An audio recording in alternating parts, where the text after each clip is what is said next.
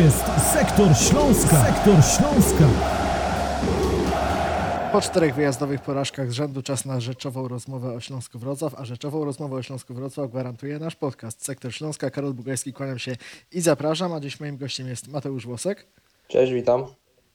Mateusz Włosek, czyli rzecz jasna redakcja śląsknet.com. Mieliśmy okazję, Mateusz, wspólnie w poniedziałek oglądać w Grodzisku Wielkopolskim mecz Śląska Wrocław z Wartą Poznań. Mecz przegrany przez drużynę trenera Jacka Magiery 1 do 2 i e, no, okres przedświąteczny, ale atmosfera daleka od sielankowej, no bo e, im bliżej końca roku, im bliżej końca rundy jesiennej, no to chyba piłkarze trenera Jacka Magiery pozostawiają po sobie coraz gorsze wrażenie.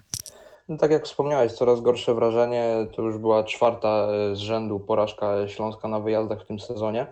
E, No i w przerwie właśnie leciały tam już takie, e, takie że tak powiem, świąteczne, świąteczne piosenki. Mogliśmy poczuć trochę ten. Śląsk do tego klimatu niestety nie nawiązał, bo tak jak dobrze rozpoczął ten mecz tymi ofensywnymi atakami w pierwszym kwadransie, tak później niestety troszkę spuścili z tonu podopieczni Jacka Magiery. No i widzieliśmy, że ta drużyna e, tak naprawdę po tej straconej pierwszej bramce e, nieco właśnie, e, że tak powiem kolokwialnie, siadła i później ciężko było, ciężko było grać przeciwko Warcie, która trzeba przyznać w tym spotkaniu była świetnie zorganizowana w defensywie. Te przestrzenie między zawodnikami były naprawdę niewielkie. No i tworzyli taki, taki prawdziwy obronny monolit podopieczni Dawida Szulczka. Dawida Szulczka, który zaliczył swoje debiutanckie zwycięstwo na poziomie ekstraklasy, no i trzeba tutaj mu pogratulować.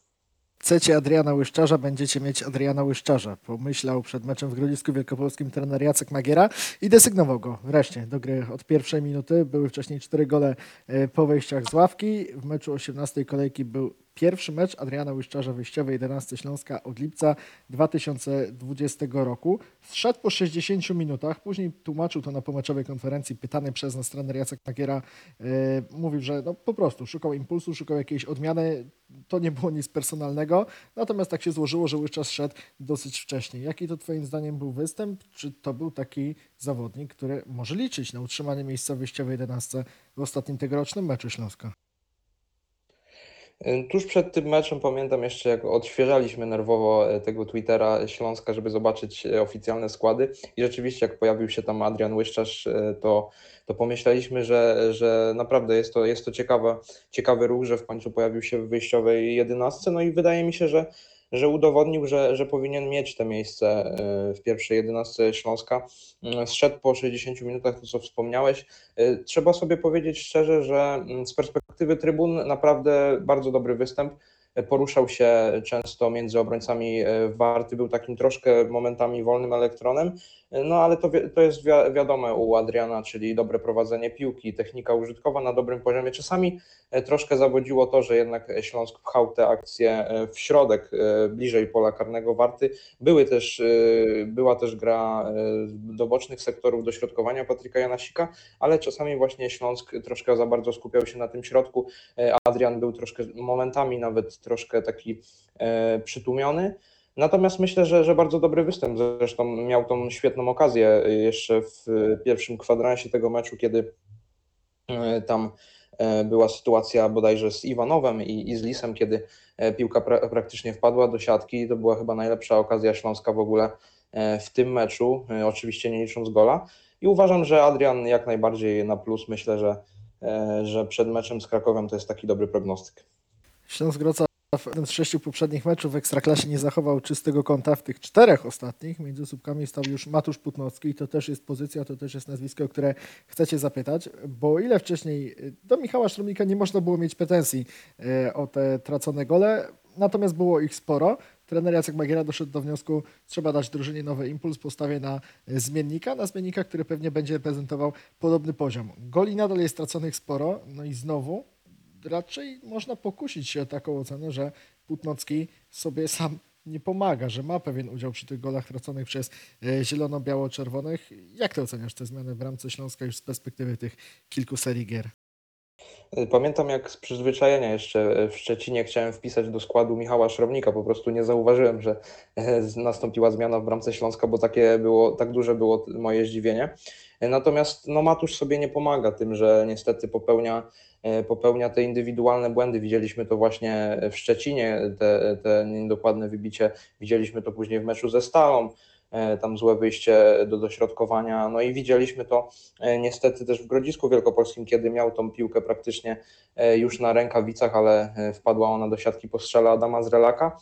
E, No i myślę, że, że trochę też nie wiem, jaka jest do końca taktyka Jacka Magiery na, na golkiperów, bo wiadomo, że przed nami ostatnie spotkanie. Czy będzie chciał jednak utrzymać e, Słowaka w tym spotkaniu z Krakowią e, w bramce, czy jednak e, nastąpi jakaś, e, jakaś nagła zmiana? Natomiast wydaje mi się, że do tej pory, jak Michał Szromnik e, stał między słupkami Śląska, to był to jednak pewien, pewny punkt, e, pewny punkt Wrocławian. No i ta zmiana troszkę jednak mi się wydaje, że, że tutaj na minus, że, że troszkę Jacek Magiera mm, tutaj pomylił się nie, nie samą tylko mm, jakby teorią tej zmiany, ale tym, że po prostu e, tym, że niestety Matusz zaczął popełniać błędy. I jeszcze kilka tygodni temu, pewnie projektując taki e, no, ostatni przedligowy podcast e, w roku 2021, e, skupialibyśmy się na postaci Erika Exposito i na tym, czy to przypadkiem nie będzie ostatni występ Hiszpana w barwach Śląska, Hiszpana, który oczywiście kuszony jest przez wiele klubów. Pojawiają się liczne spekulacje, być może ten transfer stanie się faktem już zimą, natomiast ja chciałbym się na razie skupić na tym, jak Erik Exposito słabo wygląda w ostatnich tygodniach. Być może to jest taka taktyka, on chce dłużej zostać we Wrocławiu, e, więc spuści z tonu, nie strzela tych goli, ale to tak pół żartem, pół serio, bo on w Grodzisku Wielkopolskim przez pełne 90 minut gry nie oddał żadnego strzału, nawet niecelnego. Wcześniej był mecz w Zabrzu, cztery uderzenia niecelne. Erik się nam zaciął, czy, czy tylko się przyblokował i, i nie, ma, nie ma co się martwić? No niestety, Erik, Erik troszkę się zaciął, ale myślę, że to jest je, jeden, je- jeden z jego takich mankamentów, czyli to, że z mocniejszymi rywalami, czy tak jak właśnie jak graliśmy z Pogonią, gdzie nie miał dużo miejsca, gdzie był osaczony przez tych obrońców i też wydaje mi się, że to są właśnie takie mecze, gdzie obrońcy już troszkę e, nauczyli się tej gry Hiszpana, m, podwajają go, tak, są, są bliżej niego e, i wiedzą jak troszkę zneutralizować te jego największe atuty, a wiemy, że potrafi przecież świetnie uderzyć za pola karnego. E, No rzeczywiście, to są trochę smutne informacje, że, że Erik najprawdopodobniej odejdzie ze Śląska, bo wiemy, że chce się rozwijać. A w sobotę o 17.30 we Wrocławiu ostatni mecz piłkarzy Śląska w roku 2021. Rywalem będzie Krakowia, prowadzona od niedawna ponownie przez trenera Jacka Zielińskiego. Krakowia nierówna, potrafiąca wygrać na własnym stadionie.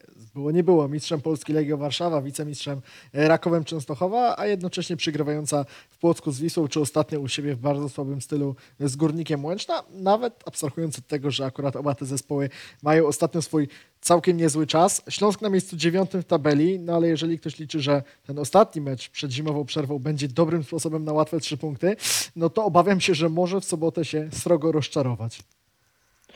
No tak, Krakowia jest bardzo chimerycznym zespołem i myślę, że, że to, będzie, mm, to będzie wyrównany mecz, no bo Śląsk jednak e, jest w lekkim dołku, w lekkim nawet w dużym dołku.